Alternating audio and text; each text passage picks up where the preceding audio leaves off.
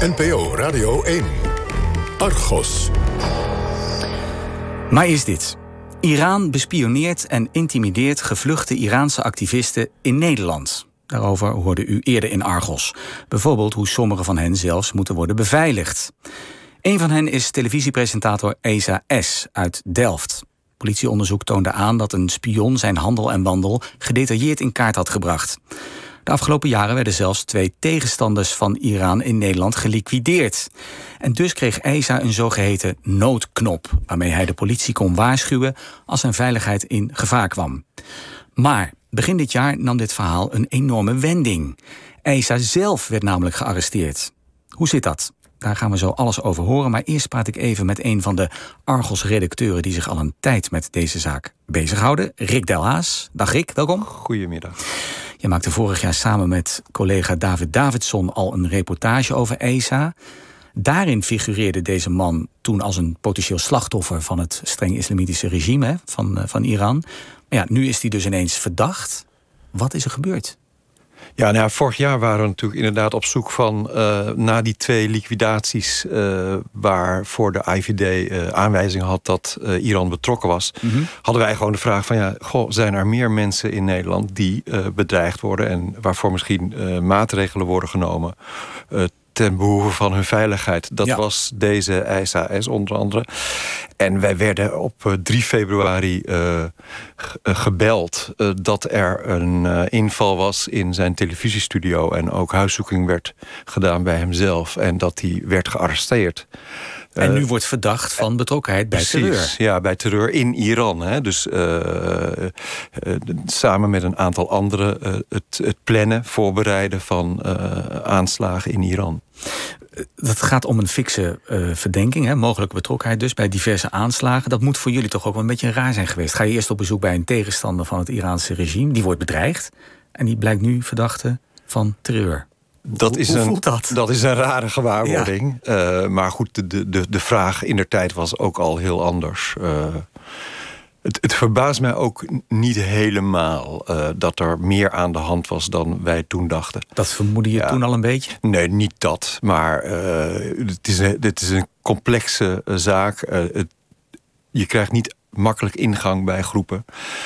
dus ja, Hm. En dan is er, uh, schijnt er dus op, het, op de achtergrond, dat moeten we misschien ook alvast heel eventjes aanstippen, een strijd uh, gaande te zijn in dit conflict tussen Iran en Saoedi-Arabië. Ja, dat zijn natuurlijk twee. Uh, ja, het zijn buurlanden en regionale machten die om de macht strijden in de regio. maar ook allebei claimen, dat zullen we later Caroline Roelands horen zeggen, ja, leider van de islam te zijn. Dus ja, dat zijn aardsrivalen. En dat wordt in Nederland onder andere. Onder andere nu dus ook in Nederland. Of in, eigenlijk in Europa moet je zeggen. Interessant. Ja. Nou, je hebt uh, samen met onze collega David Davidson opnieuw... ben je in dat schimmige schaakspel gedoken. Twee landen dus uit de golfregio die een onderlinge conflict uitvechten. Zoals je zegt Rick, op Europese bodem. Laten we gaan luisteren naar jullie re reportage. En die begint met een bezoek aan deze man, Esa S. De man dus met de noodknop die op dit moment vastzit. Maar toen jullie bij hem op bezoek waren nog op vrije voeten was. We zijn op weg naar het woonhuis van Issa. Hij is een tijd lang bespioneerd door een meneer. Die heet Ragdan. En die man is opgepakt in Zweden voor het bespioneren van Iraanse vluchtelingen. En heeft die informatie ook uh, doorgestuurd naar Iran. Even kijken, hier is het. Ja? Hallo. Ahlan Isa, nahna jayin ma'alik. Oké, we mogen binnenkomen. Ja, de deur staat trouwens open.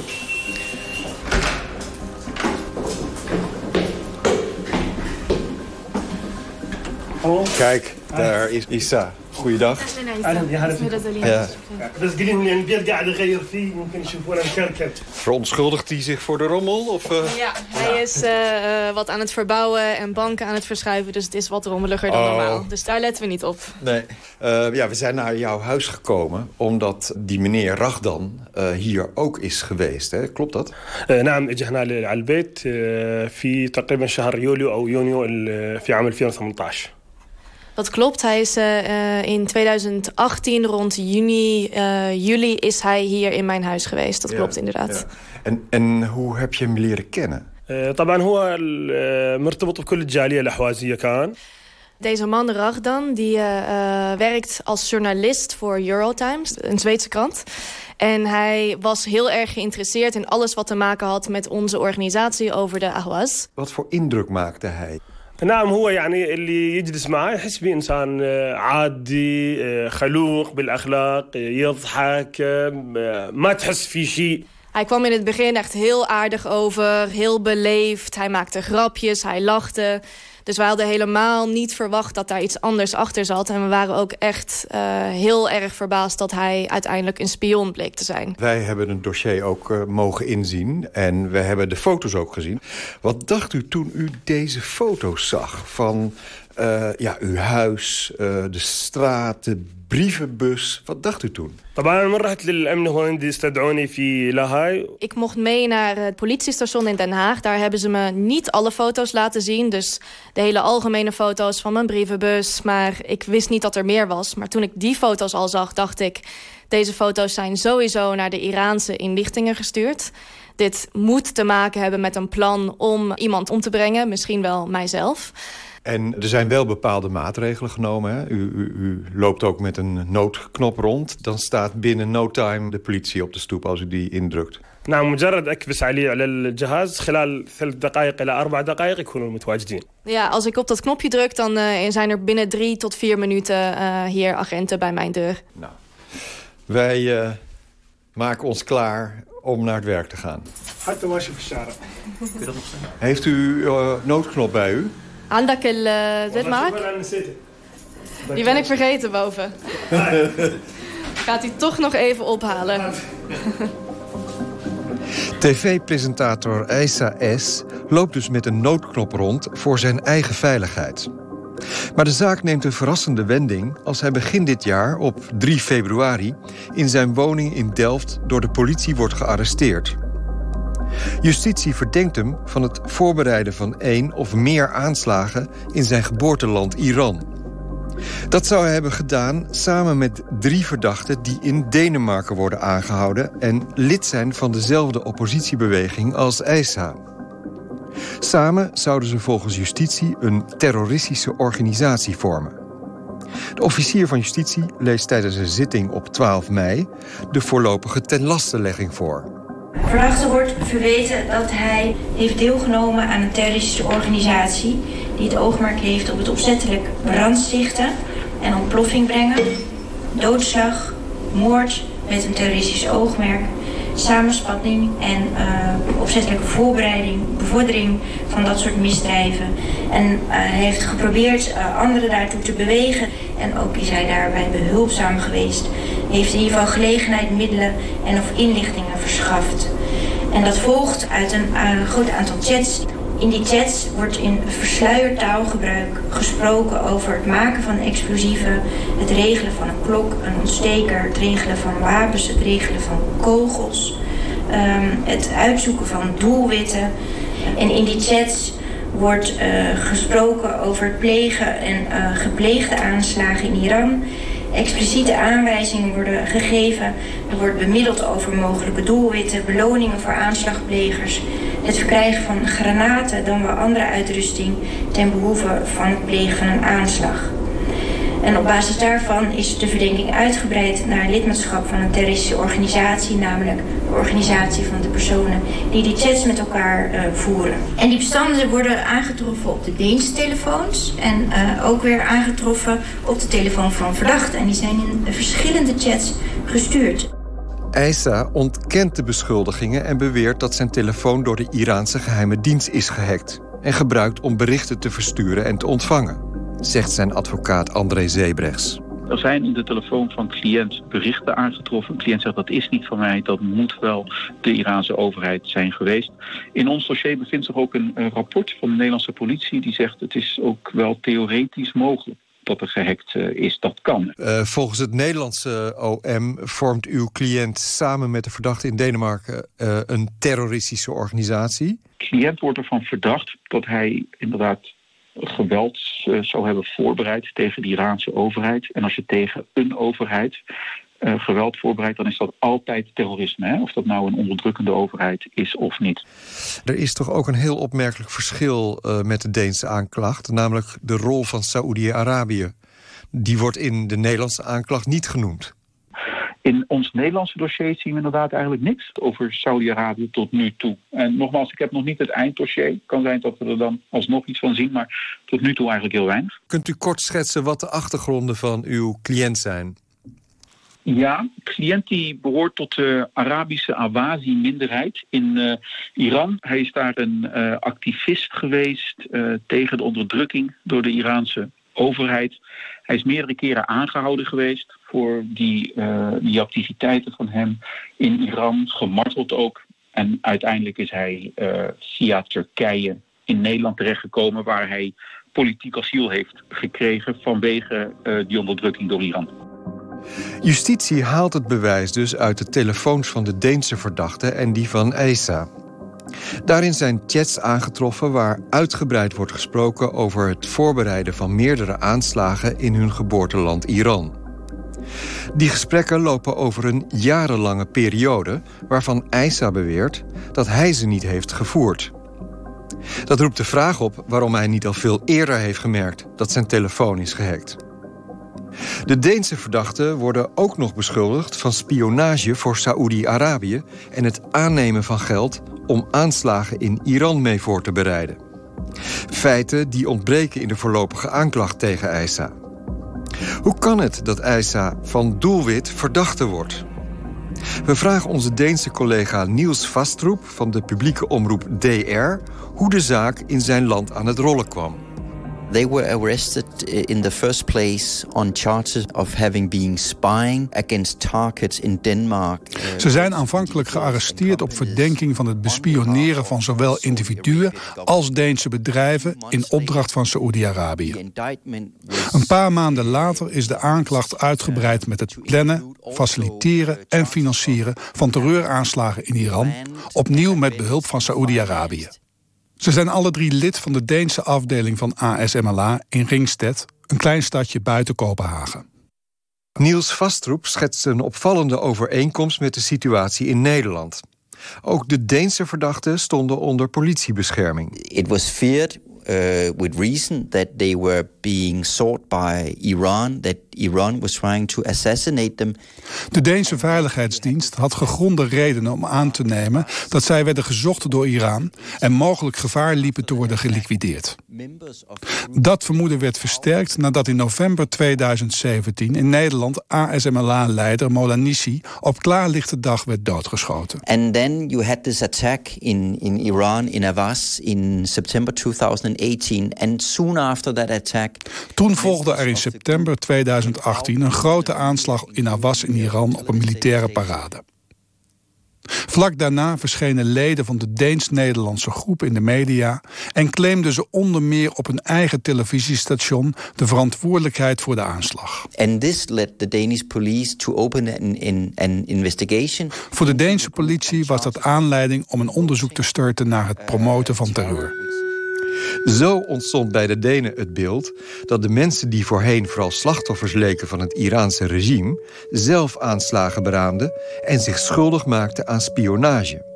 Dat alles met de steun van Saoedi-Arabië. Van de aanslag op een militaire parade in Ahwas is een filmpje gemaakt door iemand met een mobiele telefoon. Hij ligt op de grond om dekking te zoeken tegen de regen van kogels en filmt de chaos en paniek.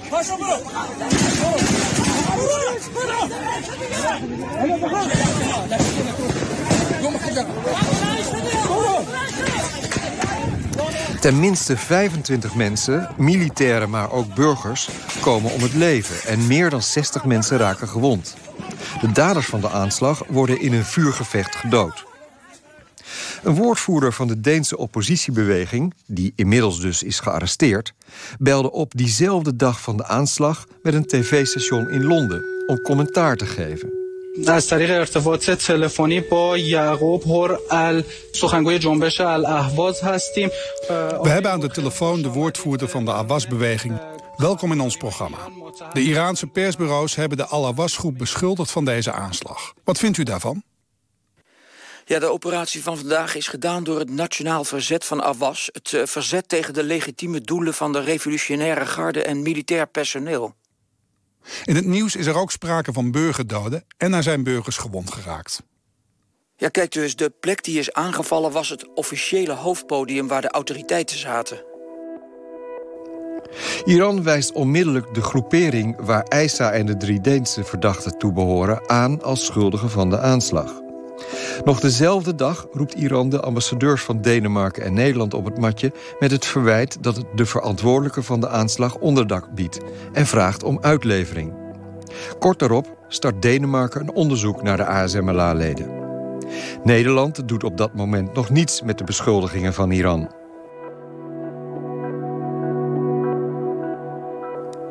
Of de verdachten daadwerkelijk betrokken zijn geweest bij de bloedige aanslag in Ahwas, moet nog worden bewezen.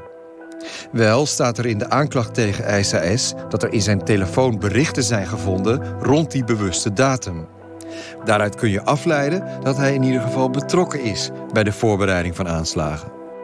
In één of meerdere chats wordt versluierd gesproken over een beloning voor één of meerdere personen voor het doden van één of meerdere commandanten of veiligheidstroepen en het verzorgen van uitrusting en vervoer en bewapening van deze personen.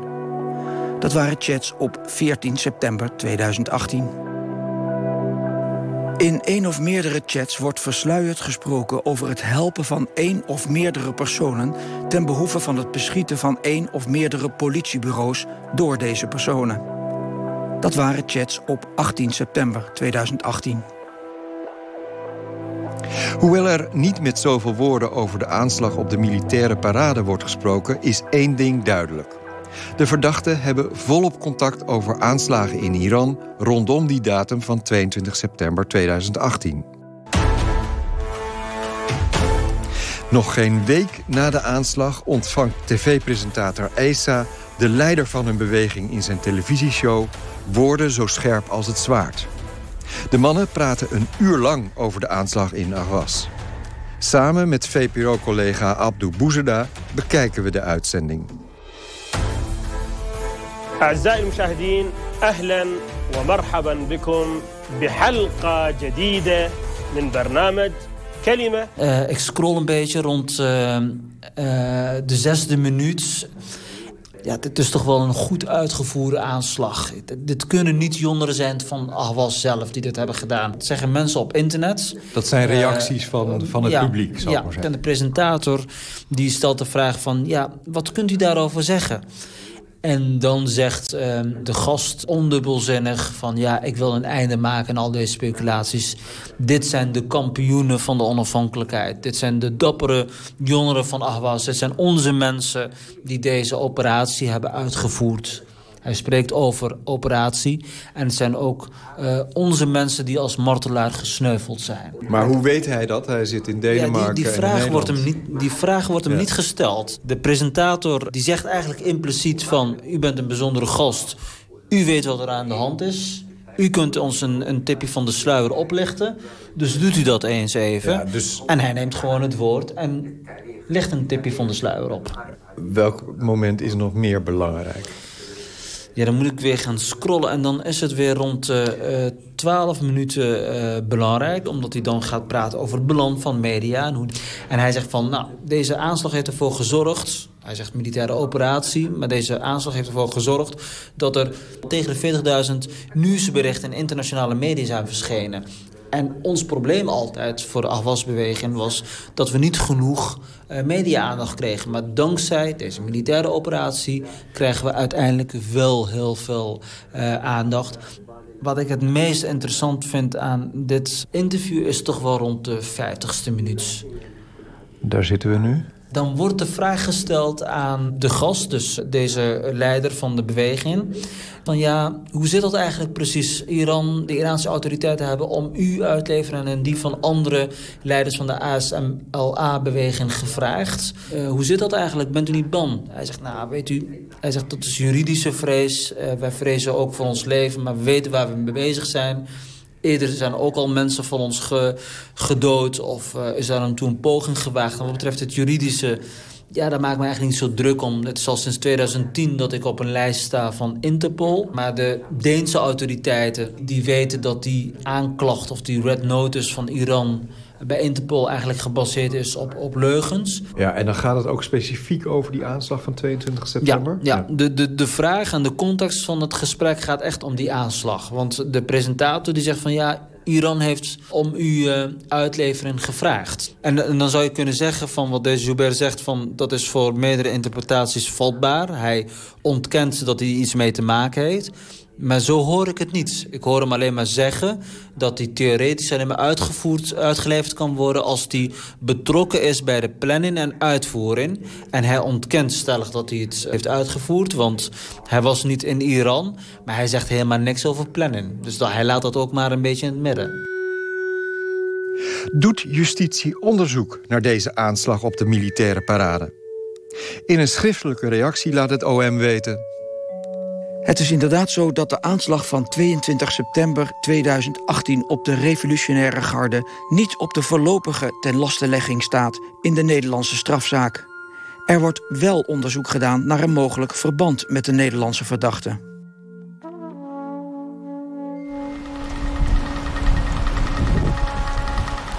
Ik ben eh, onderweg naar de studio van Agwasna TV. Ik ben er een paar keer eerder geweest uh, om mensen te interviewen, mensen te praten. Wat wij van de verhuurder hoorden... Um, is dat uh, deze huurder al een aantal maanden geleden vertrokken is. In Denemarken is namelijk een uh, onderzoek gedaan, een audit... naar de uitzendingen van Agwasna TV... En daar is een, uh, op 20 februari een besluit genomen...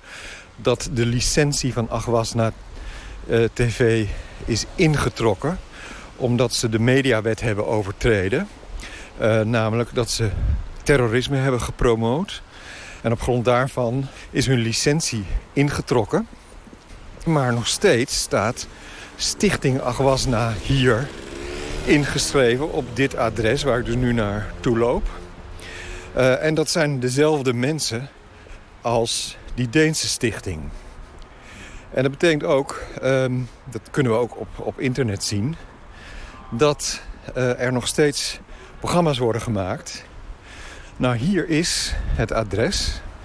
Op de deurbel staat gewoon nog Agwasna vonden. Ik heb gebeld. Je hoort niks overgaan. Er is toevallig iemand hier beneden. Hey, goeiedag. Uh, die Agwasna vonden, zit die, die hier nog? Wel even vragen, Ja, ik wacht wel even. Ja. Over mijn collega's hier niet meer zitten. Ze zitten hier niet meer? Meerdere collega's zeggen ze dat ze hebben gehoord dat ze hier niet meer zitten. Ze hebben gehoord dat ze hier niet meer zitten? Ja. Oké, okay, nou ja, dan, uh... dan houden we het op. Ja. En dan zijn ze dus inderdaad van dit adres vertrokken. En volgens de woordvoerder, uh, Nasser Aziz... had dat ook met veiligheidsredenen te maken. Denemarken trekt begin dit jaar de stekker uit Agwasna TV. Omdat het op grove wijze de mediawet heeft overtreden... door programma's te vertonen die zowel direct als indirect terrorisme promoten. Zo staat in het besluit van 20 februari. Voor zover wij kunnen nagaan, zendt Agwasna TV nog steeds uit. Onder andere vanuit Nederland. Niet vanuit de oude studio die wij bezochten... maar vanaf een nieuwe locatie in de regio Den Haag. Het Nederlandse Commissariaat voor de Media... is de dag na het Deense besluit op de hoogte gesteld. Ze laten ons weten dat het tv-station in Denemarken staat geregistreerd... en daar een licentie hadden. En dat zij daarom geen toezicht houden in Nederland. Het is onduidelijk hoe het televisiestation wordt gefinancierd. Wij hebben documenten in handen waaruit blijkt dat er tenminste één betaling is gedaan... door iemand uit de Verenigde Arabische Emiraten... van omgerekend 40.000 euro aan de stichting waar Agwasna TV onder valt. De stichting staat ingeschreven op hetzelfde adres... waar de studio in Nederland was gevestigd. Iran heeft diverse keren geklaagd bij Nederland over het televisiestation. En Denemarken heeft de stekker eruit getrokken. Wat heeft Nederland hiermee gedaan? Vragen we aan het ministerie van Buitenlandse Zaken. Dat is niet aan BZ. De boodschap die Nederland richting Iran uitdraagt... is dat het uitoefenen van vreedzame politieke tegenstand in Nederland... bij wet beschermd is. Wanneer illegale activiteiten worden vastgesteld... dan wordt hier tegen opgetreden.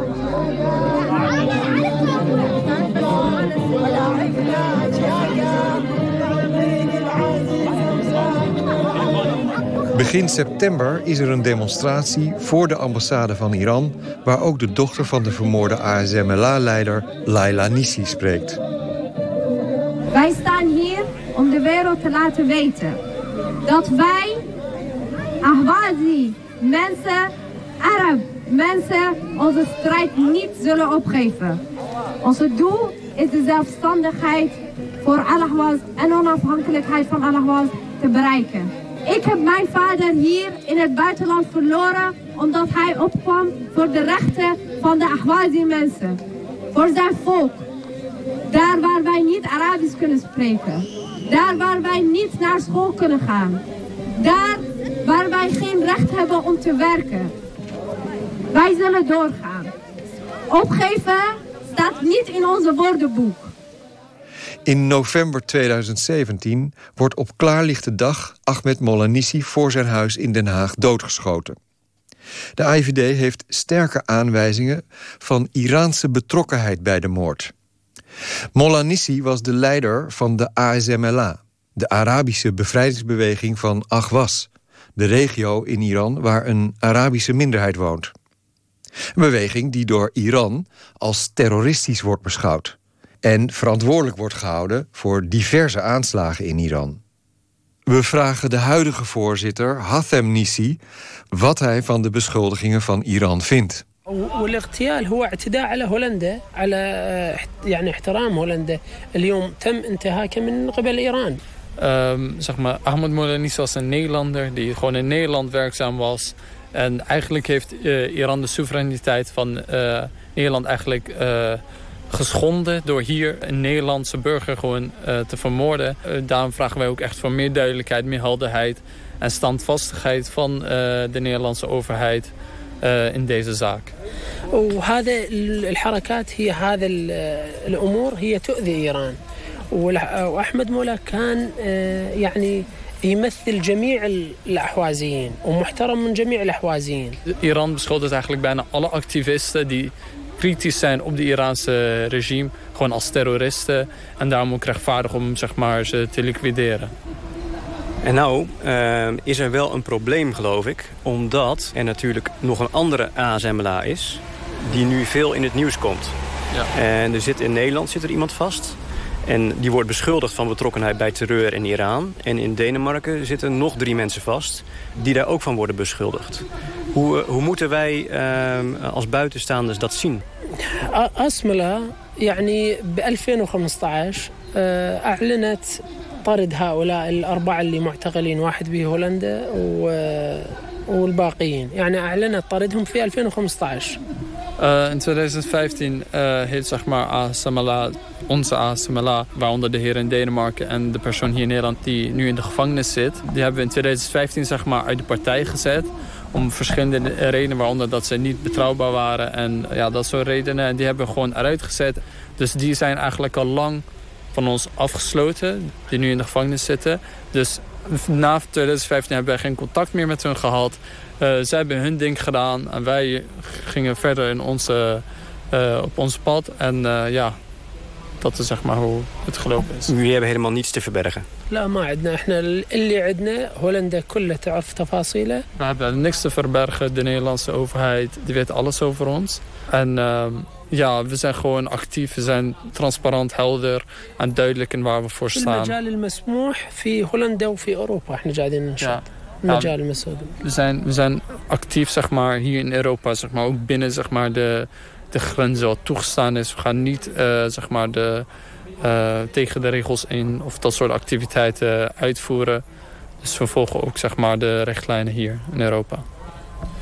Een van de verhalen over de mannen die nu in de gevangenis zitten... is dat zij ook contact hadden met Saudi-Arabië... en misschien ook wel geld hebben aangenomen van Saudi-Arabië. Is dat iets waar jullie ooit van hebben gehoord?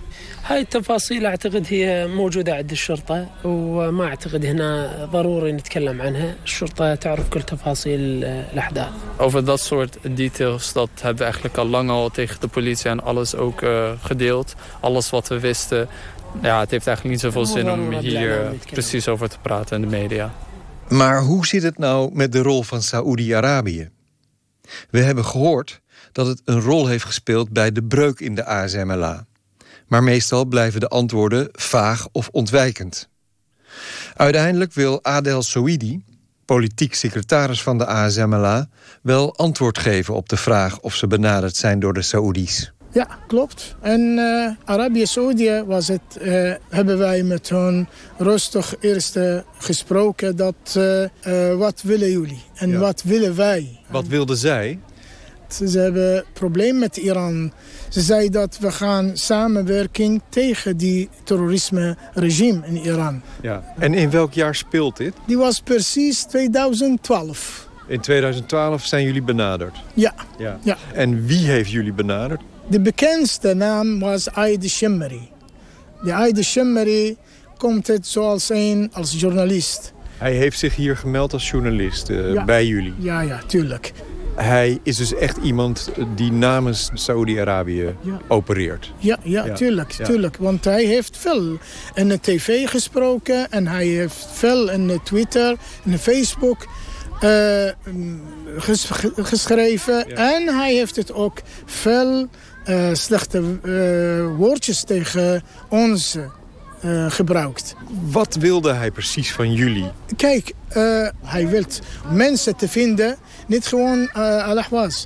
Die van uh, van Turkmenistan, en Azerbeidzjan en Koerdistan. Dus allemaal minderheden die Alle minderheden. het oppositie voeren tegen het Iraanse tegen regime. Iraanse, ja. Hij heeft het contact opgenomen met uh, die mensen om iets samen te werken tegen het Iraanse regime. Want Arabië-Saudi heeft een probleem met Ja. Iran. En dat doet hij onder andere bij mensen die gevlucht zijn in Europa. Ja, tuurlijk. Ja, tuurlijk. Waar, waar is hij? Want hij is op allerlei plekken hier geweest in Europa om contact te leggen. Uh, hij was in Nederlands en Leiden. Toen een grote conferentie. Uh, Heeft u ook contact gehad met de Nederlandse politie over deze meneer? Of, of bijvoorbeeld de AIVD?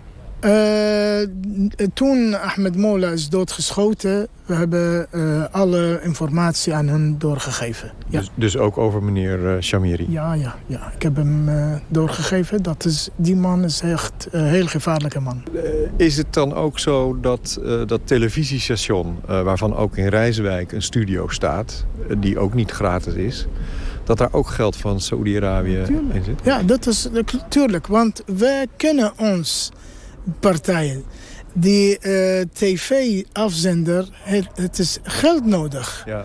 Oké, okay, die Dat mensen... kunnen ze niet zelf betalen? Nee, nee, helemaal niet. Nee. Ja, ja, dat is het echt duidelijk. Uh, Ait uh, uh, geweest. Hij heeft in Rijswijk geweest, toen.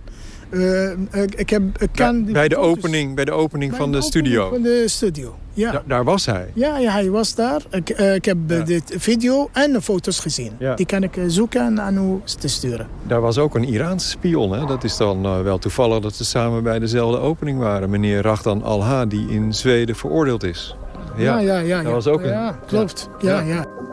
Saudi-Arabië probeert dus contact te leggen met oppositiegroepen in Europa ook in Nederland, en hen op te stoken tegen Iran. Maar waarom vindt er in Europa op duizenden kilometers afstand een strijd plaats tussen Iran en Saoedi-Arabië? Waar gaat de rivaliteit over tussen die twee buurlanden uit het Midden-Oosten? En waarom worden Iraanse oppositiegroepen daarbij ingezet? We vragen het oud-Midden-Oosten-redacteur en tegenwoordig columnist bij NRC, Caroline Roelands. Ik zou zeggen twee regionale grote mogendheden. En allebei met uh, een hoop ideeën over hun eigen grootheid. Dat is uh, een hele belangrijke achtergrond van de rivaliteit. Uh, net zoals Duitsland en Frankrijk. De concurrentie, rivaliteit. Als we het hebben dan over religie... dan moet je het hebben over de claims die beide landen leggen... om de leider van de islam te zijn. Dat zie je na de opkomst van uh, Khomeini. Hè, de islamitische revolutie. Wanneer Iran claim legt op de leider van de islam te zijn. Het is wel Shiïtisch, maar het gaat niet over de Shiïtische islam... het gaat over de islam. De relaties waren al heel slecht. Hè? En, en uh, dan kan je voor een deel kan je daarbij wijzen naar de... Uh, naar Ahmadinejad, hè, die, de radicale president. Maar ook de radicale fase van Saoedi-Arabië, de kroonprins. Hè. Die krijgt meteen heel veel macht en die heeft heel veel radicale ideeën. En als je kijkt naar zijn uitspraken tegen Iran... Iran is de grote vijand. De opperste leider is Hitler. Hitler zit in Teheran. En de kroonprins Mohammed bin Salman heeft ook gezegd... wij brengen de oorlog naar Iraans grondgebied. Dat heeft hij, dat heeft hij ook gezegd. Het ligt natuurlijk heel erg in het verlengde van Hitler zitten in, in Teheran. En in dat verlengde ligt ook die uitspraak van... van wij brengen de oorlog naar Iran. En dan past het ook heel goed in dat idee om groepen te steunen in het buitenland... die daar aanslagen of aanvallen uitvoeren. Absoluut. En dat is niet nieuw natuurlijk. Hè? Want uh, als je kijkt naar uh, met name Soenitische afscheidingsbewegingen... Uh, ook de Amerikanen al jaren eerder hebben gesuggereerd... of er zijn zelfs Amerikaanse journalisten geweest... die hebben aangetoond dat de Amerikanen... Soenitische afscheidingsbewegingen ook in Iran steunden. dat, dat is ja, wat, wat je doet als je bezwaar hebt tegen een ander land. En wat moet de Europese Unie nu als blijkt dat Saoedi-Arabië en Iran hier ook uh, zeg maar hun animositeit uh, uitvechten? Um, ja, nou, niet veel, denk ik. Dat is... Er zijn altijd hogere belangen boven dit soort, boven dit soort zaken. En wat zijn de hogere belangen? Uh, dat zijn meestal zakelijke belangen. Dat, uh, uh, niet alleen bij sommige landen is het... dat is Groot-Brittannië, maar dat is geen Europese Unie meer. maar Frankrijk, Italië, Spanje, wapenverkopen. Um, en, en andere, Saudi-Arabië is natuurlijk een hele goede klant. En dat is heel, heel belangrijk. En dan is dit... Ja, dat zijn heel vervelende dingen. Maar uh, niet uh, de grotere, hogere politiek. Nou, dat klinkt niet echt hoopvol. Er spelen waarschijnlijk dus hogere belangen... waardoor boosdoeners uit Iran en Saoedi-Arabië... hier in Nederland ongestraft hun gang kunnen gaan, zou je zeggen. U luisterde naar een reportage van Rick Delhaas en David Davidson. De montage was in handen van Alfred Koster. Eindredactie Harry Lensink. En hier in de studio zit nog steeds Rick, Rick Delhaas... een van de makers van de reportage. Ja, Rick, even terug naar de man uh, en zijn organisatie... waarmee jullie reportage begon, die ESA-S. Van de SA ASMLA. Die strijdt dus tegen het regime van Iran. Die ISA wordt nu dus door het Nederlandse Openbaar Ministerie verdacht van terrorisme in Iran. Maar justitie onderzoekt op dit moment dus niet wat voor banden hij mogelijk heeft met Saudi-Arabië. Uh, dat weten we niet. We hebben het natuurlijk wel aan het OM gevraagd. Maar we hebben daar uh, geen antwoord op gekregen. Wat niet hetzelfde is dat ze er niks over willen zeggen. Ze willen over de zaak maar heel weinig kwijt. Mhm. En we hebben het over een, een voorlopige tenlasteligging. Het onderzoek loopt pas begin sinds begin dit jaar in Denemarken loopt het al veel langer. Ja. Uh, dus de tenlastelegging kan ook nog veranderen. Of er kunnen nog dingen uitgebreid worden. Ja, Caroline Roelands uh, hint op mogelijke zakelijke belangen... Of, of, andere belangen die zouden kunnen meespelen... voor het feit dat Saoedi-Arabië op dit moment nog niet in de picture staat. Wat denk jij? Ja, uh, dat is niet zo heel relevant wat ik denk. ik zou het niet weten. Het is opvallend dat er in Denemarken eh, zo uitdrukkelijk Saoedi-Arabië wordt uh, beschuldigd. Ja. Uh, en, en, in die aanklacht is het is opvallend dat de ISA-S uh, tot dezelfde club behoort en door het OM wordt gezien als één terroristische organisatie met die drie andere verdachten in Denemarken. Ja. Dus het roept in ieder geval allerlei vragen op. vragen waar jij achteraan gaat, denk ik, met David Dat denk ik wel. Hartstikke mooi. Heel veel dank. Rick Delhaas, redacteur van Argos. En um, ja, wilt u nou nog meer uh, horen en zien en lezen, dan kunt u dat zeker doen op onze website vpro.nl/slash Argos. En ook om alvast naar uit te kijken, Argos maakt een tv-documentaire over deze kwestie, de lange arm van Iran. En die is 10 december te zien bij de NPO. Iets voor in uw agenda. NPO Radio 1. Argos.